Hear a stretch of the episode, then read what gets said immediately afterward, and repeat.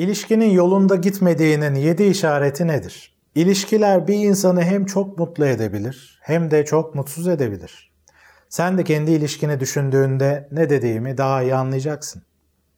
Daha önce sağlıklı ilişkilerin 9 tane önemli özelliği olduğunu konuşmuştuk.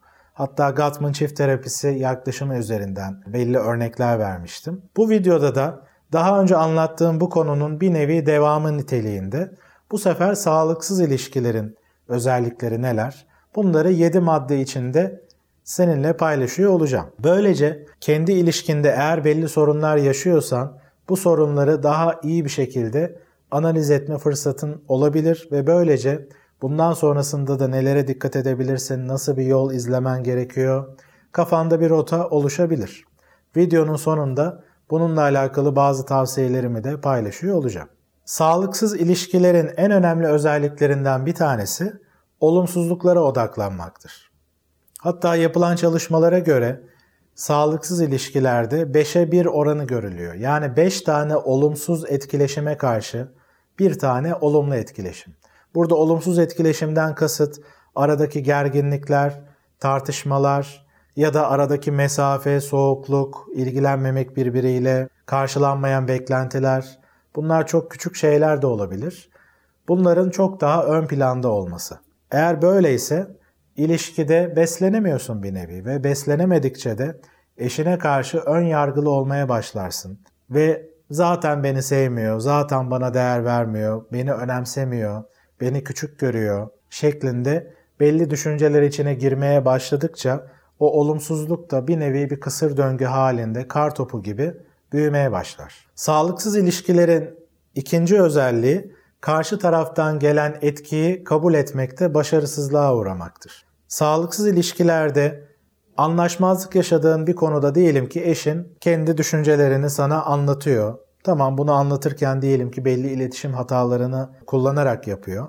Ama belli haklılık payları da var. Eğer sen bu haklılık paylarını görmüyorsan ve hemen savunma moduna giriyorsan o zaman eşinden gelen o etkiyi de kabul etmiyorsun anlamına geliyor. Yani eşin sana bir şey fark ettirmeye çalışıyor ama sen fark etmiyorsun. Mesela diyelim ki eşin işte sen çok ilgisizsin, benimle ilgilenmiyorsun, bana hiç değer vermiyorsun şeklinde şeyler söylüyor. Bu noktada da eşinin belki şöyle bir haklılık payı olabilir. Bir süredir sen daha ona mesafeli yaklaşıyorsun, yeterince ilgi göstermiyorsun belki de. Yani bu doğru olabilir. Dolayısıyla da eşinin kendini yeterince değerli değilmiş gibi hissetmesi, onunla ilgilenmediğini düşünmesinin doğruluk payı olabilir. Ama tabii ki burada madalyonun diğer bir yüzü de var. Yani sen ona karşı ilgisiz davranıyorsan bunun temelinde belki de belli kırgınlıklar var. Belki belli yoğun duygular var. Belki anlaşılmadığını hissediyorsun, çaresiz hissediyorsun ve kendini geriye çekmeye başladın. Ki bu zaten önemli bir sorundur.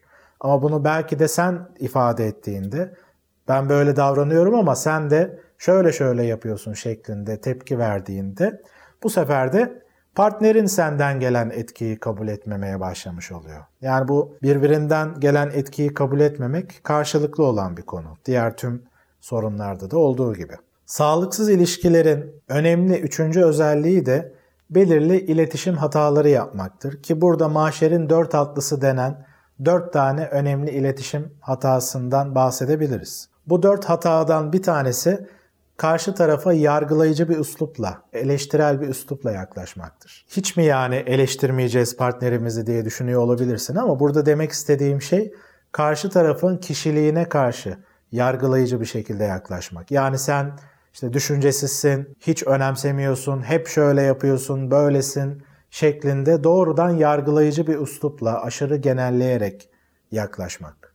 İkinci iletişim hatası da hemen karşı savunmaya geçmek. Partnerin mesela burada sana karşı yargılayıcı bir üslupta bulunur. Sen de hemen ona e sen de kendine bak. Sen de şöylesin, böylesin.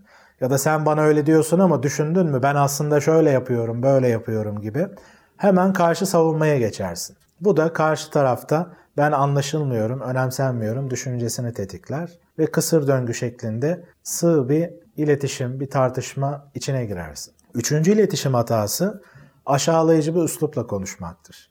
Karşı tarafa daha yukarıdan bakan, daha iğneleyici, belki dalga geçen tarzda Yani karşı tarafı doğrudan kötü hissettirecek tarzda konuşmaktır. Dördüncü iletişim hatası da duvar örmek. Yani karşı taraf bir şeyler anlatıyordur ama onu dinlemiyor gibi yapmak, o an belki televizyona bakmak, gözünün içine bakmamak, geçiştirmek, araya bir duvar örmek yani özetle.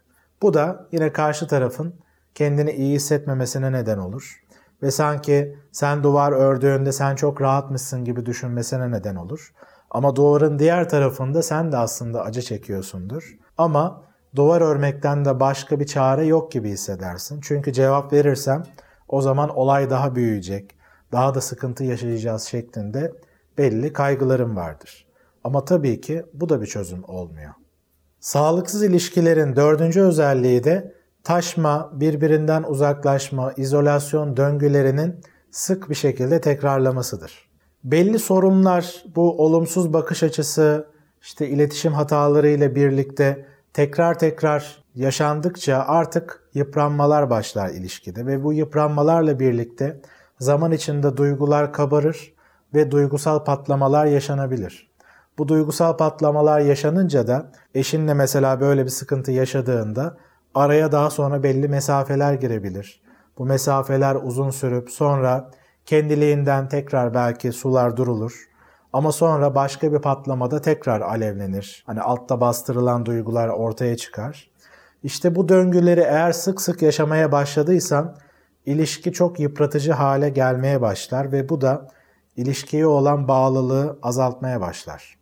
Sağlıksız ilişkilerin diğer bir özelliği de zaten duygusal kopukluk. Özellikle bu taşma ve izolasyonla birlikte zaman içinde bu tüm bu gerginlikler, kırgınlıklar, mutsuzluklarla birlikte artık eşine karşı sıcak duygular hissetmemeye başlarsın. Araya kalın duvarlar girmeye başlar. O duvarların arkasında kendini yalnız hissetmeye başlarsın ve eşinin de kurduğu duvarların arkasına geçemediğini hissedersin. Ve tüm bu hissettiğin o çaresizlik hisleriyle birlikte eşine karşı güvenin azalmaya başlar ve sorgulamaya başlarsın. Bu hep böyle mi gidecek? Ben bunu tolere edemiyorum şeklinde hissetmeye başlarsın. Ve eğer aklına ya acaba başka birisi olsa nasıl olurdu? Boşanmalı mıyım? Ayrılmalı mıyım? şeklinde düşünceler içine girmeye başladıysan bu kırmızı alarmdır. Ortada ciddi sorunlar olduğunu gösterir.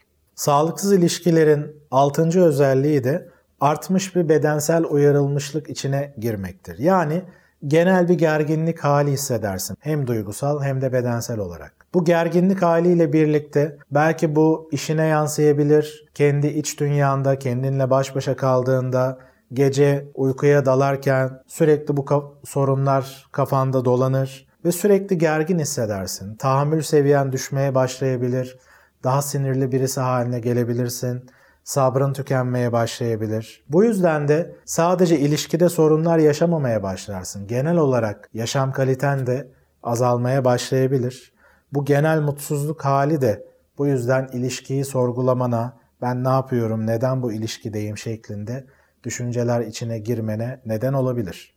Ve tabi bu genel gerginlikle birlikte de ilişkide mantıklı bakamamaya da başlarsın. Duygular çok ön plana gelmeye başlar ve dolayısıyla da artık küçük konular da büyük sorunlarmış gibi yaşanmaya başlar. Tabi bu sorunlar devam ettikçe bu böyle gitmez bir şeyler yapmak gerekiyor şeklinde düşünürsün ve partnerinden bekledikçe bir adım gelmediğini düşünelim. Belki de sen ilişkiyi onarmaya yönelik belli adımlar atmaya başlayabilirsin. İşte geçiştirmek, alttan almak, daha pozitiflere odaklanmaya çalışmak, belki mizaha vurmak, şakaya vurmak gibi. Ama diyelim ki bu yollar, yöntemler de işe yaramıyor, ters tepiyor hatta ve aradaki gerginlik rahatlayamıyor ve yakınlaşamıyorsun. İşte bu onarma girişimlerin başarısızlığa uğramaya başladıkça bir nevi artık bu tür yatırımlar, girişimcilikler yapmamaya başlarsın ve sen de kendini geriye çekmeye başlarsın. İşte bu da önemli tehlike işaretlerinden biridir. Eğer seninle paylaştığım bu işaretler sana tanıdık geliyorsa ilişkinde önemli sorunlar var demektir. Yani bu konuda her ikinizin de bir şeyler yapması lazım. Belki ilk etapta özellikle de sorunlar eğer çok çok kronik bir hale gelmediyse, çok yoğun duygular, çok büyük kırgınlıklar yoksa belki bazı bilgiler öğrenerek, mesela bazı kitaplar okuyarak bu konuda fayda sağlayabilirsin. Mesela benim en çok kullandığım terapi yaklaşımlarının başında duygu odaklı çift terapisi geliyor. Bunun yanında Gottman çift terapisini de kullanıyorum. Bu iki terapi yaklaşımından hareketle yazılmış iki tane kitap var. Bu kitapları okumanı tavsiye ederim. Bunlardan bir tanesi Sue Johnson tarafından yazılan Bana Sıkıca Sarıl adlı bir kitap. Diğer kitapta John ve Julie Gottman tarafından yazılmış Evliliği Sürdürmenin 7 İlkesi adında bir kitap. Bu iki kitabın adlarını açıklamalar kısmında da yazdım. Oradan bakarak bu kitapları edinebilirsin. Tabii ki bu kitapları sadece senin değil, eşinin de okuması. Yani birlikte okuyup öğrendiklerinizi uygulamaya dökmeniz lazım. Sadece senin okuman yeterli değil. Hatta dezavantajlı da bazen olabiliyor. Yani ben çok şey biliyorum, her şeyi ben yapıyorum, eşim bir şey yapmıyor gibi bir nokta ortaya çıkabilir. O yüzden benim tavsiyem her ikinizin birden. Eğer böyle bir yolu izleyecekseniz ikinizin de okuması. Diyelim ki böyle bir yol çok uygulanabilir gibi gelmiyor ya da her ikiniz de okudunuz ama orada öğrendikleriniz aklınıza yatsa bile uygulamaya dökmekte zorlandığınızı hissettiniz. Çünkü birçok gerginlikler var, kırgınlıklar var. O zaman bir çift terapisi uzmanına başvurarak destek almanızı tavsiye ederim. Çünkü birinin dışarıdan bir üçüncü göz olarak size ayna tutması ve sizin duygularınıza tercüman olması gerekebilir. Konuyla ilgili deneyimlerini, görüşlerini aşağıdaki yorumlarda paylaşırsan sevinirim. İlişkilerle alakalı, ilişki sorunları ile ilgili merak ettiğin konular varsa bu konularla alakalı sorularını da aşağıdaki yorumlarda paylaşabilirsin. Böylece ben de bunlara göz gezdirip daha sonra ilişkilerle alakalı belli videolar hazırlıyorken faydalı bulduğum noktalar olursa bunları da kullanabilirim. Tekrar görüşmek üzere.